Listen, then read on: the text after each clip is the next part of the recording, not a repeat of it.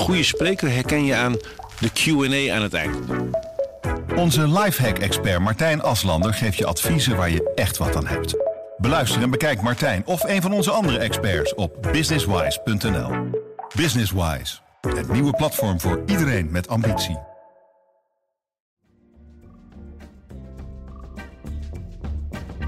Welkom bij Wijsneuzen de Verkiezingen. De wekelijkse podcast voor alle kiezers die zich nu misschien afvragen wat er met hun stem gaat gebeuren. Niemand die het weet. In deze negende aflevering gaan we niet terugblikken op de campagnes en gaan we niet het grote formatiespel spelen. Of misschien toch wel een beetje, het bloed kruipt nu eenmaal waar het niet gaan kan. Maar we willen vooral weten waaraan we dit versnipperde politieke landschap hebben te danken. Wat zegt het over Nederland? Tegenover me zit zoals altijd Menno Huurkamp, politicoloog aan de Universiteit voor Humanistiek. En naast mij zit Bart Zuidervaart, chef van de politieke redactie van Trouw. Welkom. Uh, Menno, uh, de vraag die altijd gesteld wordt na verkiezingen is: in welk land werd u wakker?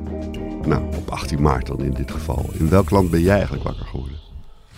Nou, ongeveer in hetzelfde land als de dag daarvoor. Maar het eerste wat ik wel dacht is: is dit een diep socialistisch land? Zoals de minister-president van, het, van de vorige en van de komende regering zei. Mark dacht Rutte, ik, ja. Mark Rutte. Toen dacht ik, nou nee, ik ben niet wakker geworden in een diep socialistisch land. In allerlei landen, behalve een diep socialistisch land. Misschien bedoelde hij met het diep socialistisch land toch eigenlijk iets anders dan jij bedoelt. Ik weet niet, we moeten, er komt vast nog wel een enquête aan de, naar de vraag wat hij daar nou precies mee bedoelde. Maar um, uh, nee, ik constateerde dat er uh, dat extreem rechts 28 zetels in het parlement had veroverd. Um, en op een ticket dat ondubbelzinnig nationalistisch is, op het agressieve af. En ik dacht bij mezelf, dat zou in een diep socialistisch land nooit gebeurd zijn. Dus we kunnen het noemen wat, wat je wil, maar niet dat. Um, en dat vond ik toch wel echt het meest heftige resultaat. De 28 zetels rechts van de VVD.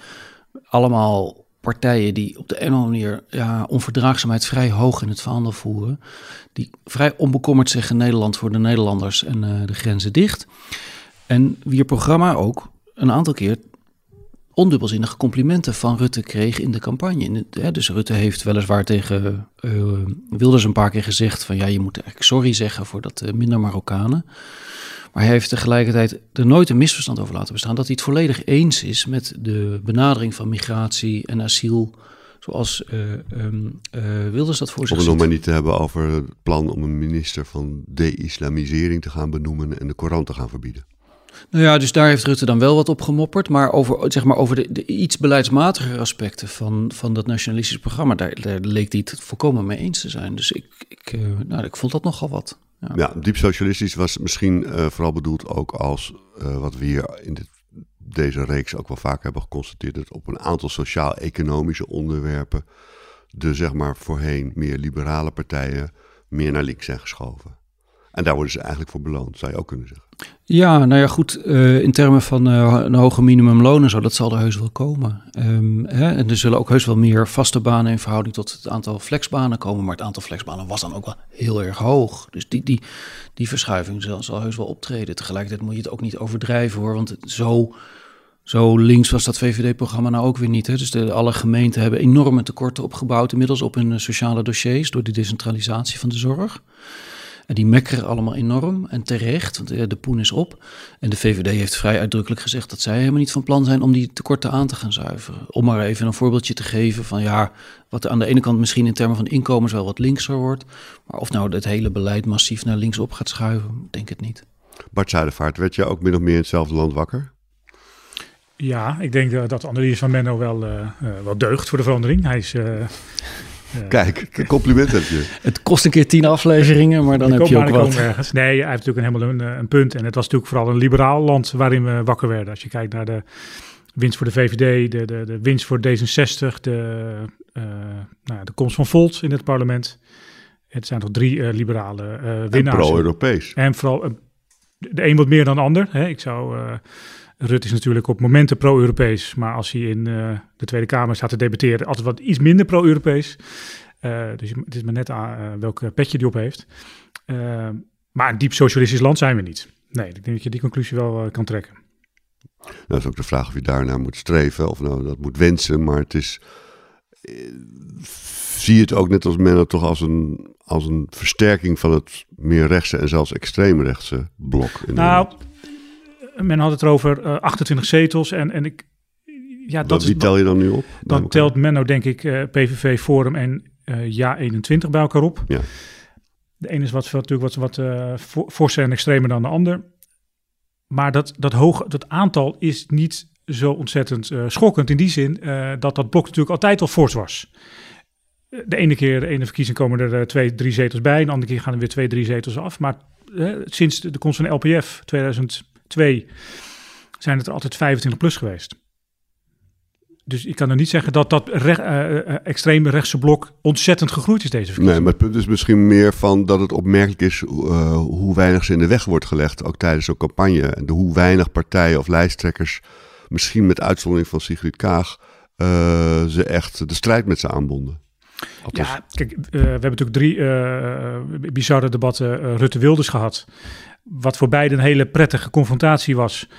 Uh, omdat ze zich beide konden profileren, Rutte als de staatsman. Maar echt, echt uh, ja, daar ben ik ook met Menno eens. Uh, in de kern begrijpt Rutte heel goed wat Wilders zegt. En is het niet wezenlijk daarmee oneens. Hè? Natuurlijk zit er, zit er in, in de ideeën van Wilders dingen over de-islamisering, het afpakken van je kiesrecht als je twee paspoorten hebt. Ja, daar kan je natuurlijk nooit mee eens zijn. Maar het feit dat je de migratie zoveel mogelijk moet stoppen, zie de Turkije-deal, ja, daar is Rutte mee eens. Dus in die zin is hem niet zo heel veel uh, tegengeworpen, deze verkiezingen. En daar had het wat mij betreft ook wel wat meer uh, over mogen gaan. Ik wil even aanhaken op het punt dat Bart maakte over de LPF en het feit of extreem rechts altijd ongeveer dit, deze omvang heeft gehad in de uh, Tweede Kamer de afgelopen jaren. En ik denk dat het kan zijn dat de omvang misschien ongeveer gelijk was. Ik denk dat die ietsje groter is geworden, maar de impact is oneindig veel groter geworden in de afgelopen twintig jaar. De LPF, dat was toch een zootje clowns bij elkaar met een slecht, slechte, ja, slechte afstemming onderling. Heel veel gevecht en gedoe en dat viel allemaal om de havenklap uit elkaar en dat buitelde over elkaar heen met veel ruzie. En inmiddels zijn die clubs relatief gedisciplineerd. Nou ja, goed, Baudet, zijn club viel ook weer uit elkaar. Maar de impact is massief. De impact is groot en er wordt heel erg naar geluisterd. Ook impact, impact in de zin dat uh, Wilders uh, eigenlijk de VVD ook meer in het zeg maar, geharnaste kamp uh, als het gaat om thema's als migratie heeft gedwongen of geduwd? Nou kijk, ik denk dat wat zich vertaalt, en, en, dat is echt, en dat is de maatschappelijke verandering, dat het gemak waarmee, waarmee mensen tegenwoordig zich onverdraagzaam uitdrukken, waarmee mensen bereid zijn om op straat elkaar racistisch, uh, uh, seksistisch, hufterig te bejegenen. Dat is echt wel weer toegenomen de afgelopen tijd. Er zijn de, de dingen bij hun naam noemen, onder het motto van zeggen wat je denkt en dat soort verschijnselen. En dan dus maar gewoon mensen afvallen op, een, op, een, op geloof, op identiteit, op kleding dat gaat bij vlagen zo dermate hufterig. En dat is mede bewerkstelligd door ja, die enorme omvangen van extreem rechts in de Tweede Kamer. Dat verandert verder niets dan behalve dan dat het polariseert. Dus een aantal zetels is het misschien niet dramatisch gestegen, maar een impact wel. Nou, hier speelt wat trouwens wel iets anders mee. Hè? Wij, uh, kijk, de PVV heeft een overduidelijke agenda waar ze dus rond de 20 zetels mee binnenhalen. Bij Forum ligt dat toch echt anders. Zij hebben geen acht zetels behaald met hun, met hun radicaal rechtse programma. Zij zijn natuurlijk uh, hier de grote winnaar vanwege hun felle anti-corona-campagne. Uh, uh, dus ik denk dat ze op die vlag hier gewoon verviervoudigd zijn. Ja, nee, dat klopt. Um, dat klopt en het klopt niet. Want er is geen mens die op Forum gestemd heeft, letterlijk niemand, die niet weet, die niet in zijn achterhoofd heeft. Oh ja, drie maanden geleden hadden ze een aantal erg onaangename akkefietjes met antisemitische, homofobe, seksistische appjes. Dat weet iedereen die op Forum gestemd heeft. Tegelijkertijd hebben ze gedacht, het is minder belangrijk nu, corona is belangrijk, laat maar even zitten. En dat is precies wat ik bedoel. Het, dit type gedrag is blijkbaar, ja, we kunnen daarmee uit de voeten. We vinden dat prima om ergens in ons achterhoofd mee te dragen van, ja, ik steun een man ja, ik weet, ik weet eigenlijk niet zeker wat hij verder allemaal vindt. Hij vindt misschien ook wel een paar onaangename dingen. Maar hey, hij is tenminste... Maar sluipt zo het, gif, zeg maar, de politiek binnen? Nou, dat gif is er natuurlijk altijd al geweest. Maar we springen daar tegenwoordig tamelijk los mee om. En dat, dat, dat is, vind ik, vind ik wel echt achteruit gaan. kijk, de kiezer denkt er kennelijk behoorlijk laconiek over. Als jij een... Uh, uh, liep de afgelopen tijd de campagne af en toe door een winkelstraat. En dat is natuurlijk heel, een heel treurig uh, gezicht met, met dichte luiken en geen enkele Reuring. geen enkele reuring. Maar ja, je ziet wel her en der achter de, voor- achter de ramen zie je posters van Forum van Democratie. En die mensen zijn niet bezig met, eh, eh, met eh, bizarre uitspraken van Baudet of appjes in, in een chatgesprek. Nee, die zijn bezig met, met hun tent die dicht is. En er is één iemand die op de barricade klimt. En die zegt keihard, alles loslaten nu, we moeten weer open en de kwetsbaren gaan we beschermen. En voor de rest moet alles kunnen. Maar dat En- is ook natuurlijk ook wel het merkwaardige van deze campagne. We zouden niet al te veel op terugblikken, maar toch. Dat eh, corona in zekere zin geen thema was. Behalve dan eh, in, zekere zin met succes dus voor Baudet. Ehm, het tegenovergestelde had iemand ook, had ook een partij kunnen opstaan. Die had gezegd van we moeten een veel strengere lockdown hebben, maar dan heel snel. Hè? Ehm, zoals die, die groep wetenschappers ook eh, bepleit. Het, het, het, was eigenlijk een taboe onderwerp, bleef het. Het was een, het was een taboe, het, het ging niet over corona en toch ging alles over corona. Het kon niet, het kon niet over corona gaan, doordat en, en links heeft een Iedereen enorm- gecommitteerd was. Links heeft een enorme prijs betaald. Die hebben zich natuurlijk allemaal mee overgeleverd aan het beleid. Die hebben allemaal braaf meebestuurd. Ja, ze slaan zich nu natuurlijk allemaal voor hun kop bij GroenLinks en bij de Partij van de Arbeid dat ze dat op die manier gedaan hebben. Want ze hebben zich, ze zien nu van shit. Niemand heeft ooit gezien wat wij het afgelopen jaar gedaan hebben. De beloning was nul. Of zelfs min, min zes bij GroenLinks. Ja, Ehm, en dat komt echt mede omdat ze, ja, ze hadden geen poot om op te staan om, zich, om echte contrasten te scheppen. ja. Met als pijnlijke gevolg dat die arme Ploemen een aantal keer in die campagnes zei. Sorry dat ik over de campagnes begin, maar het is wel een belangrijk punt. Dat ze een aantal keer zei: Ja, ik sta eigenlijk heel erg dicht bij de SP. Ja, ik sta eigenlijk heel erg dicht bij D66. Ja, dat is natuurlijk les nummer één uit campagne voeren. Is dat je moet contrasten scheppen. Je moet zichtbaar zijn. Je moet duidelijk maken wat jou te prefereren maakt boven alle anderen. Het is natuurlijk ontzettend charmant dat ze dat deed aan de ene kant. Maar ook ontzettend dom om. Ja, Maar is dat vanuit de gedachte van, ja, het is nu een soort, we zitten in een soort nationale crisis of internationale crisis.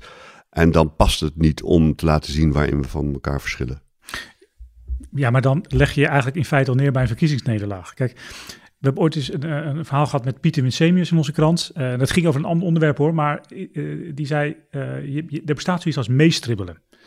Mensen gaan wel eens meestribbelen. Die gaan mopperen, mopperen, mopperen. En in die end steunen ze wat er op tafel ligt. En dat hebben natuurlijk de linkse partijen hier in, de, in het hele coronabeleid gedaan. Ze, ze protesteren vanwege dingen die traag op gang komen. Tegen het vaccineren, tegen het verstrekken van mondkapjes. Allerlei dingen. Maar uiteindelijk steunen ze het coronabeleid. En dat legde, denk ik, voor hun een soort, ook een soort deken over de campagne. En, en dat, dat de kiezer dacht van, waar staat links nou voor? Waarom, zou ik nou, waarom zijn zij nou relevant? En ik denk dat dat hun grote probleem geweest is. Van, zij, ze waren niet zichtbaar op grote andere eh, kwesties. En de kiezer dacht ook van, waarom zou ik nou wel naar GroenLinks gaan en niet naar D66? En dat bedoel, dat hebben ze dus zich ook niet afgevraagd. Ze zijn naar D66 gegaan. Dus de weglek van eh, Partij van de Arbeid en GroenLinks naar D66 is vermoedelijk massief. Ehm, en dat is allemaal in de laatste twee, drie dagen gebeurd. Omdat er plotseling Kaag zich wel helder en eh, eh, tamelijk uitgesproken manifesteerde. Ja. Ehm, als je van afstand probeert te kijken naar dit politieke landschap, sommigen zullen het misschien een slagveld noemen. wat zien jullie dan? Wat zie jij nou? Ehm, nou ja, kijk, dus een, toch een tamelijk re- rechtslandje, eh, waar dat een half jaar lang gedacht heeft dat het een linkslandje ging worden. Ehm, althans, we hebben een half jaar lang gedebatteerd van, oh jee, er komen campagnes aan en alle politieke partijen schuiven op naar links. En ik heb volgens mij ook wel vaker hier in deze uitzending gezegd, nou, dat valt allemaal wel mee. En deze uitslag bevestigt dat ook nog eens een keer. Kijk, het zijn twee liberale partijen die groot geworden zijn. Daarvan kun je nog zeggen, is dat links? Nou ja, ik zou zeggen, het is vooral liberaal. Ehm, en Ehm, eh, tegelijkertijd zie je de progressieve mensen. Er zijn heel veel mensen met progressieve ideeën, heel veel mensen met progressieve ambities. Die hebben alleen niet echt goed de weg kunnen vinden naar één of twee partijen. Die zijn enorm uit elkaar gedreven. Dus die, de linkse politieke partijen hebben enorm gefaald. Maatschappelijk gezien is er niet zo heel veel aan de hand, zou ik zeggen. Is het, er zijn mensen met min of meer conservatieve opvattingen. Er zijn mensen met min of meer. Want als je alle zetels van partijen die je zeg maar progressief zou kunnen noemen bij elkaar optelt, dus ook de allerkleinstjes, Dan ook kom- Volt, ook bijeen, Dan kom je op die zes, ergens in de buurt van de 60. Of, en, en dan links, is er niet zoveel aan de hand. Links heeft er in Nederland nooit heel veel meer dan 65, 66 gehad. En dan Altijd nu, wat minder dan nu, rechts. nu zijn het er een paar minder misschien, maar het verlies is in die termen niet enorm. Maar het verlies in, in termen van onderlinge verbondenheid is natuurlijk massief. Maar dat is de schuld van die partijen, niet van de samenleving. Wat bedoel je in dit, met onderlinge verbondenheid? Nou ja, dus de, de ene stemt op bijeen en de ander stemt Ja, ja, ja. Op, op Volt en de ander stemt op... eh, dus geen enkele partij past precies bij mij. Dus als het je niet bevalt tegenwoordig, dan richt je een eigen partij op. En die partij gaat dan voor jou aan de slag. Ja, maar en dat is een trend die zich versterkt heeft, zeg maar. Want dat Die was in zich 2017 enorm- eigenlijk ook al. die zich enorm versterkt heeft. Ja, en, en ik, ik denk dat eh, uiteindelijk is Rutte is de premier namens de versplintering. Of de premier van de versplintering, of de versplinterde premier. Maar in, zijn, in, zijn, in de jaren dat hij de baas is, zie je eigenlijk dat die versplintering enorm is toegenomen. En is dat nou dankzij Rutte, ondanks Rutte? Ehm, is Rutte de baas dankzij dit proces? En ik denk voor een deel Maar wel. speelt ook zijn bewegelijkheid een rol bij? Dat hij, Ja. mm, of het nou over links of over rechts is, net zo makkelijk eh, Het is, het is, het is wat, eh, wat, wat, wat, wat Bart net zei ook. Hè? Dus petje op, petje af. In de Tweede Kamer is hij best wel anti-Europa. Maar zodra hij in Europa is, is hij eh, tamelijk... dan weet hij op en dan lijkt hij gewoon zomaar opeens een Europese staatsman. Nou, denk de Italianen anders over, maar... ja. Nee, maar hij is, hij is, super, hij is super bewegelijk, super handig om, om ja, verschillende identiteiten met elkaar te, te, te combineren. En eh, ja, als politicus doet hij dat natuurlijk gewoon tamelijk briljant. Ja, en natuurlijk het knap is hier dat zijn partij weet die kiezers vast te houden. En, en het feit dat er zo'n versnippering is, eh, is toch echt een motie van wantrouwen naar de andere gevestigde partijen. Het feit dat er een, dat er een boerenpartij binnenkomt, ja, dan moet het CDA natuurlijk achter de oren krabben van hoe hebben we dat toch kunnen laten gebeuren. Het feit dat bij één zetel heeft, ja, dan heb je ook linkspartijen die, eh, dat, is, dat is hun zetel. Dat was oorspronkelijk hun zetel en die hebben ze gewoon laten lopen. Dat hebben ze, dat Ja, hebben ze dus laten voor liggen. de achterban van bijeen eh, zijn partij als PvdA en GroenLinks misschien totaal niet herkenbaar. Althans, niet genoeg herkenbaar. Nee, en het is toch wel eh, vrij tragisch voor die gevestigde partijen. En we hebben nu, Vergeet, ik denk dat je, Bart, ik denk dat je de term verge- ver- gevestigde partijen, dat we daar langzaam maar zeker afscheid van moeten gaan nemen. Dus dat we, Die zijn er niet meer. nee, ik denk dat dat verschijnsel minder betekenisvol wordt. Eh, dat, de VVD zal het misschien nog een tijdje lukken, maar ja, als Mark, Mark Rutte straks, die moet op een gegeven moment toch een keer wat anders gaan doen.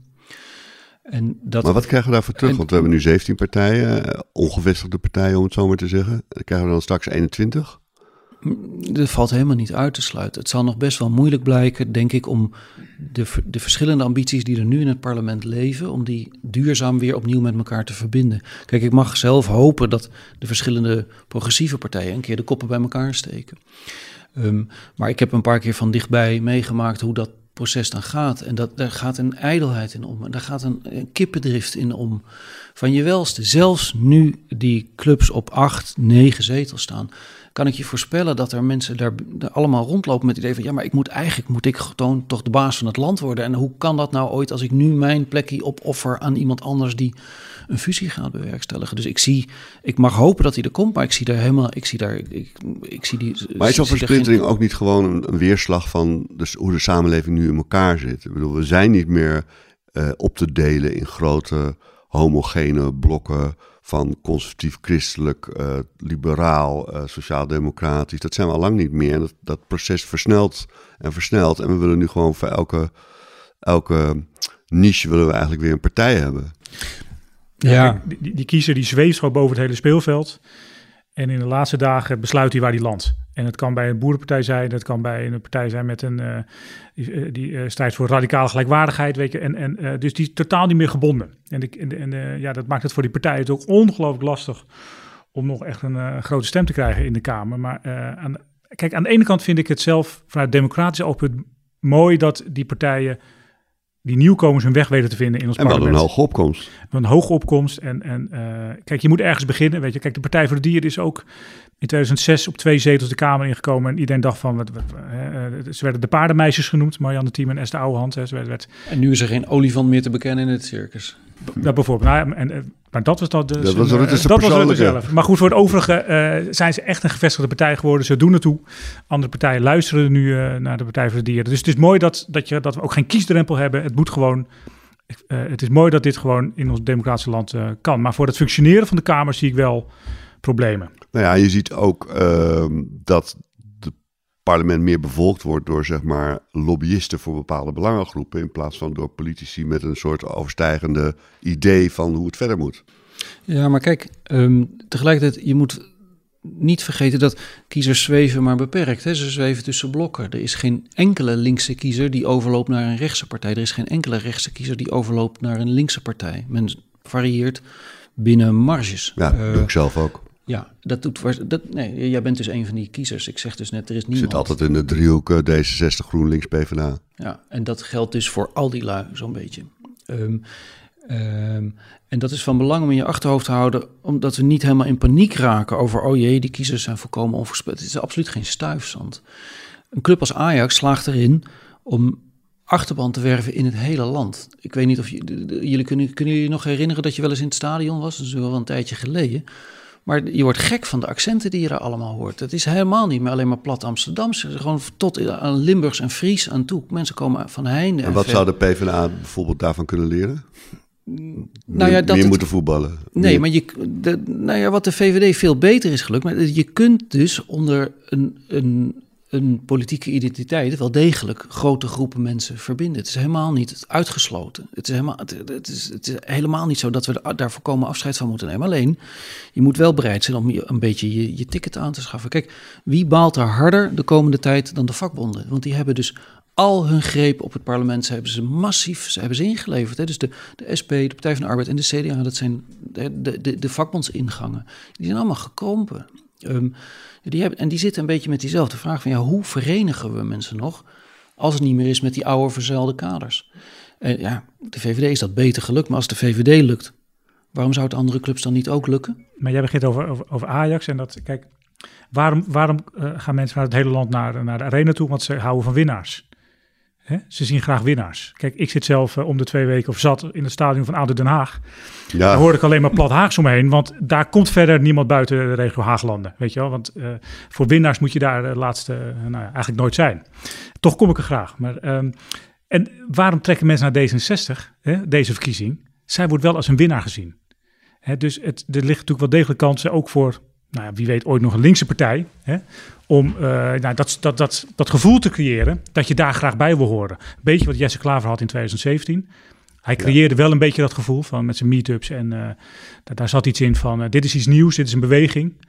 Bij Sigrid Kaag zag je het nu ook gebeuren. Dat is denk ik de kunst. Voor, en, de, en de grote uitdaging, zeker voor links. Ja, en kijk, en als je het in termen van, ik denk dat in termen van klimaat, in termen van inkomensverdeling, um, uh, dat je vrij makkelijk een grote groep mensen kunt binden. Veel groter dan alleen de club van D66. Dat er veel meer mensen te verenigen zijn op een paar simpele onderwerpen. Maar dat, ja, de, aantrekkingskracht van, van, uh, van, van, van, de, van de merknaam Sociaaldemocratie is gewoon beperkt geworden. De aantrekkingskracht van de merknaam GroenLinkse Beweging is, is, is gewoon beperkt geworden. En daar, moet je, daar moeten ze gewoon afstand van durven nemen. Ik denk dat het nog wel een paar jaar duurt, eerlijk gezegd. Ja, Bart, jij, jij zegt, nou, ik vind aan één kant die, die versplintering, al die kleine partijen en een hoge opkomst, vind ik ook wel iets, uh, iets moois hebben. Maar tegelijkertijd maakt het het functioneren, is slecht nieuws voor het functioneren van het, het parlement. Ja, er zitten hier natuurlijk een paar, uh, paar uh, gevaren. Ik hoorde, ik, ik hoorde gisteren voorbij komen dat iemand zei van we krijgen straks de minst ervaren Kamer tegen de meest ervaren premier. Kijk, maar dat, dat komt ook omdat er heel veel Kamerleden sowieso al weg zouden gaan. Sowieso, en dan ook nog eens verdeeld over 17 fracties met heel veel kleintjes. Uh, wat komt, en dan moet je je afvragen, wat komt er de komende jaren op het parlement af? Er komen alleen al twee grote parlementaire enquêtes. Hè, naar de, gaswinning in Groningen, uh, de toeslagenaffaire. Daar een beetje in de schaduw nog, maar wat er aan zit te komen is toch ook een vermoedelijke parlementaire enquête naar de coronacrisis. Sowieso moeten we nog door de huidige crisis heen. Hè? Ook, dat, ook dat vraagt om, om, om een hele kritische kamer ten opzichte van de, het kabinetsbeleid. Schijnt er ook nog ergens een rekening voor moet betaald worden. Ook dat, dus uh, we hebben nog tientallen miljarden uh, die we ergens moeten gaan ophoesten de komende, nou ja goed, decennia misschien. En, en hoe gaat de Kamer dat doen? Hè? De, uh, om een voorbeeld te noemen, we hebben, vlak voor deze verkiezingen is de parlementaire enquêtecommissie gaswinning ingesteld. Bestaat uit acht Kamerleden. De helft daarvan kunnen ze al vervangen, want die zijn niet herkozen. Ja. Dus die begint eigenlijk, kan opnieuw beginnen. Mensen moeten weer inwerken, dat, dat kost weer extra tijd. We krijgen straks een enquête naar de toeslagaffaire. Nou, dat moet dus. Uh, die, die Kamerleden moeten gehaald worden uit wat dat middelgrote fracties. Hè, wat tegenwoordig eigenlijk al de grote fracties zijn. Dus die worden min of meer leeggehaald met. Door Kamerleden die de commissies moeten gaan bevolken. Ja, wat hou je dan over? Wat is dan nog je, je, je, je kritische dagelijkse basis eh, dat, het, dat het kabinet goed kan controleren. Ja, daar maak ik me wel zorgen over. Een vergoeilijkende, maar misschien ook een cynische noot daarbij is. Maar het is niet cynisch bedoeld. Maar de, de uitslag lijkt er in ieder geval op te duiden dat die toeslagenenquête geen enkele kiezer ook maar een beetje geboeid heeft. dus de, de, de, het verlies, misschien dat de voorkeurstemmen voor um, omzicht en Leiden dat nog net ietsje gaan uh, wijzigen. Maar het lijkt erop dat niemand zich heeft laten leiden door zorgen over wat er gebeurd is in de toeslagenenquête. En daarmee is de druk eigenlijk daar al behoorlijk af. Um, dat zal ongetwijfeld nog een keer allemaal ter tafel komen van, oh jee, dat is niet goed gegaan. Maar in de wetenschap dat, dat, dat parlement zit er op een heel ander ticket. Dat parlement zit er niet op het ticket dat de staat duizenden mensen uh, tot, uh, tot tonnen schuld heeft gedreven.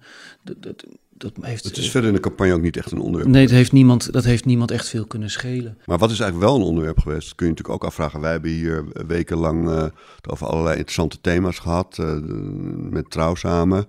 We hebben het gehad over klimaat, we hebben migratie, onderwijs, wonen, Europa, zorg, ongelijkheid. Uh, wat... We hebben, ons, we hebben ons uiterste best gedaan. We ons best, aan ons heeft niet gelegen, bij wijze van spreken. Maar um, als ik dan s'avonds bij Jinek keek of uh, ergens anders uh, buurten, dan ging het daar niet over. Uiteindelijk ging het over zoiets toch vrij vaags als, als leiderschap. Ja, ja. En nieuw leiderschap, wat Kaag dan propageert. Maar dat kwam voor een deel ook wel omdat de journalistiek telkens het podium gaf aan de politici en hen vroeg van, nou, waar moeten we het over hebben, jongens? En, en, en ze daar eigenlijk het wel een beetje hebben laten, de journalistiek het daar wel een beetje heeft laten liggen. We hebben ook wel een keer hier de loftrompet gestoken over Nieuwsuur, die het dan braaf uh, echt journalistiek hard tekeer ging. Maar je zag toch ook wel herhaaldelijk in die formules terug dat, dat, het, um, ja, dat, dat er gewoon tegen, tegen de verschillende volksvertegenwoordigers gezegd werd: Nou jongens, zeg maar, waar willen jullie het over hebben? Dan mag dat. En dan. En bekennelijk hadden die dus ook niet dan de ambitie om het te hebben over thema's waarmee ze zich die en een zekere urgentie zouden moeten hebben en waarmee ze zich kunnen onderscheiden. Ja, kijk, het is toch vreemd dat er meerdere debatten zijn geweest waarin de, wat ik zelf bizar vind, maar goed, waarin de politici zelfs het onderwerp mag meenemen. Ja. Dit, is wat ik, dit, is wat ik wil. Maar dan nog zou je toch van, uh, zeker de SP of uh, ook de PvdA, nu Lodewijk Asscher natuurlijk uh, is afgetreden, kunnen zeggen van nou vol op die toeslagaffaire. Dat nou, wat volgens mij ook een beetje gebeurde, maar nu gaan we dus inderdaad terugblikken, is dat ze bij die bedenken van stellingen of thema's, wisten ze al tegenover wie ze zouden komen te staan, volgens mij. En dan ga je dus je, je stelling of je thema afstemmen op je tegenstander. Dus als jij tegenover Gert-Jan Seger staat, dan ga je het over voltooid leven of dat soort dingen hebben. Terwijl eigenlijk je thema waarmee je jezelf wil onderscheiden is bij wijze van spreken klimaat of uh, het echte minimumloon verhogen. Uh, en dat gebeurt dus nauwelijks. Je profileren op de dingen waar je zelf uh, je sterk voor wil maken. Nou ja, het was meer zo dat ik denk dat ze het wel allemaal geprobeerd hebben, maar dat het in de zo'n campagne staat uiteindelijk natuurlijk niet heel veel meer toe dan twee of drie thema's. En daarvoor was corona en het leiderschap door corona heen dan weer net iets te groot. Okay, um, maar, om, om, om de rest ook nog. Uh... Maar leiderschap is natuurlijk wel een heel vaag onderwerp om het over te hebben. Want dan ga je dus kijken, ja, is straalt Sigrid Kaag meer soeverein leiderschap uit dan Lilian Ploemen, als ik, hè, om even op mijn eigen stemkeuzes uh, te beperken. Dat vind ik wel een lastige dan. Heb je toch iets meer vast aan een programma. Ik ben het helemaal met je eens. Mensen hebben overigens ook massief al die stemwijzers gedaan. Hè? Dus alle, ja. alle kiezers doen stemwijzers. Dus iedereen weet tegelijkertijd ook echt wel waar het, het is absoluut niet dat. Dus ik denk ook dat het wat, voor zover we het over problemen moeten hebben, dat we het echt over problemen van politieke partijen moeten hebben. Minder dan over problemen van het parlement en minder dan over problemen, en zeker niet over problemen van de samenleving. Ik denk Want echt, de kiezer heeft altijd gelijk, bedoel je? Nou, de kiezer is niet zo gek. Hè? Die kiezer die, die heeft eigenlijk, ze maken allemaal tamelijk wel overwogen afwegingen. Ze laten zich leiden door stemwijzers. Uh, ze laten zich leiden door gesprekken met vrienden en collega's. Ze volgen al die debatten dat er soms in die debatten het allemaal een beetje plat gepresenteerd wordt, uh, maakt het bij vlagen hard te verteren. Maar het neemt niet weg dat de meeste mensen toch wel echt een idee hebben waarom ze stemmen wat ze stemmen.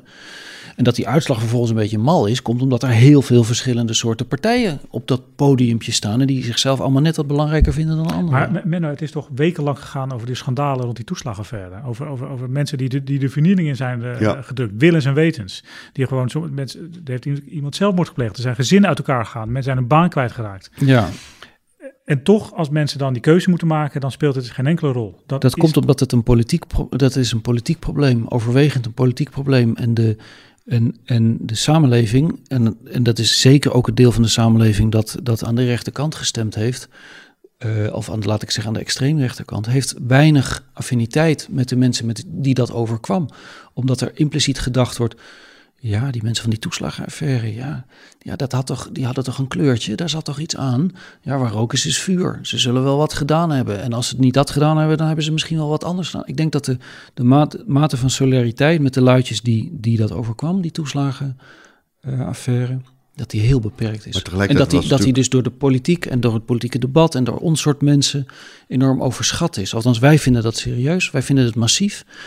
Um, wij schrikken ervan, iedereen die nadenkt over hoe een bestuur hoort te functioneren en dat er hoor en wederhoor moet zijn en dat er tegenmachten moeten zijn die af en toe de regering moeten remmen en dat er ook weer een tegenmacht moet zijn die, die, die, die, die het parlement weer controleert. Hè? Dus dat je een regering en een volksvertegenwoordiging en een rechtspraak hebt en dat die elkaar ja, in de, de maat moeten nemen dat het heel erg is wanneer dat niet gebeurt, dat dat echt heel erg is die waarneming wordt maar half gedeeld door de samenleving. Of drie kwart, voor drie kwart niet. Nou, misschien delen ze de, de, die analyse wel, maar vinden ze het geen doorslaggevend uh, argument om, bepaald, om op een bepaalde partij te stemmen.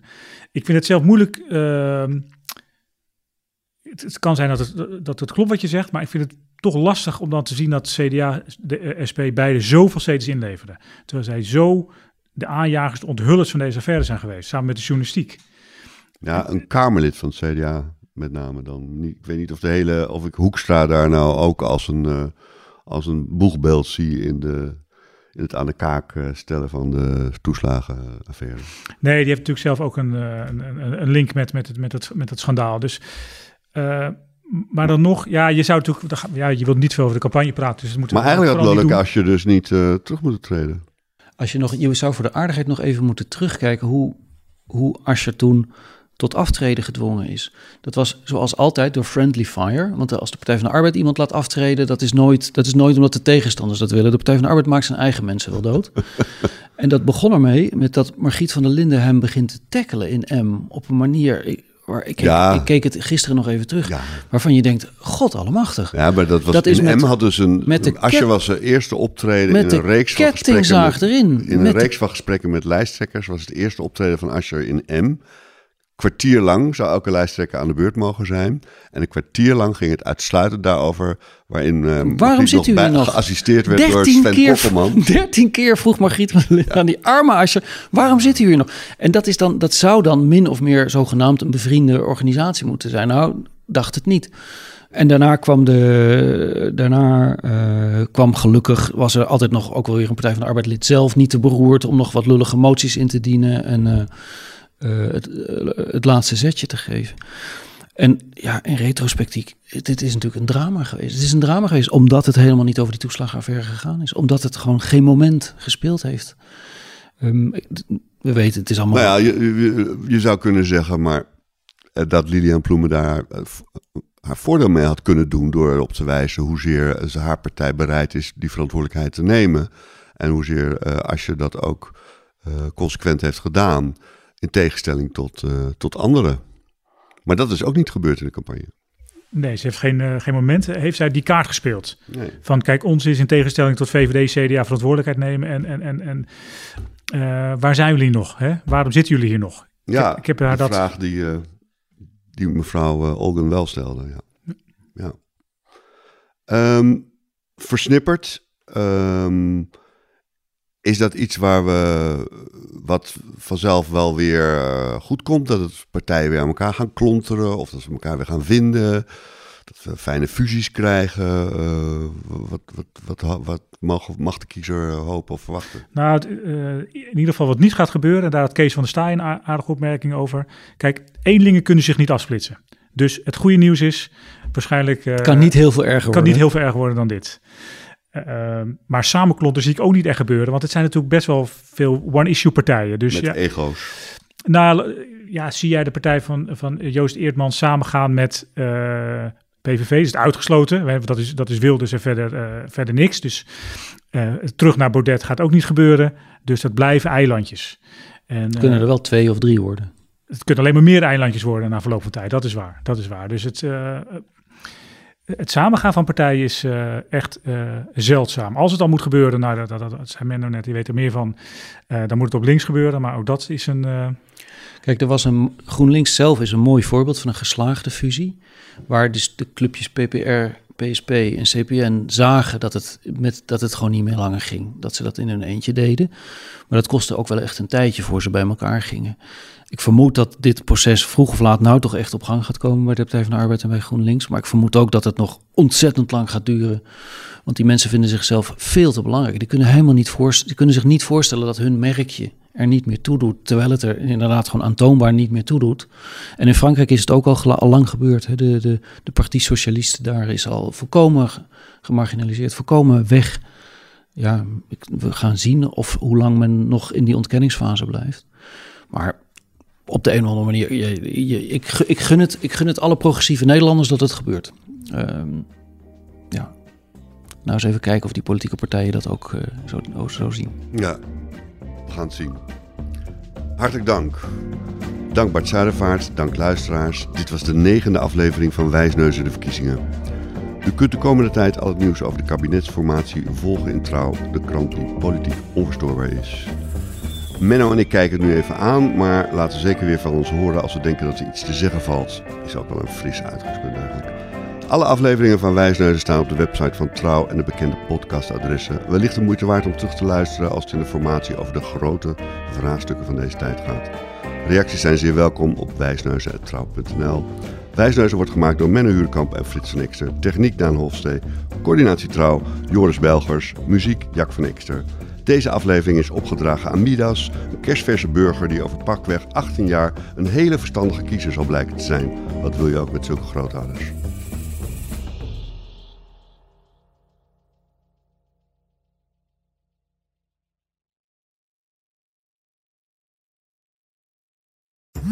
Worden dagelijks overladen met overbodige informatie. En het is moeilijk de zin van de onzin te scheiden. Daarom vertrouw ik op echte journalisten in plaats van meningen. Een krantenmens heeft het gemakkelijk. Word ook een krantenmens en lees je favoriete krant nu tot al zes weken gratis. Ga snel naar krant.nl. Bezorging stopt automatisch en op deze actie zijn actievoorwaarden van toepassing.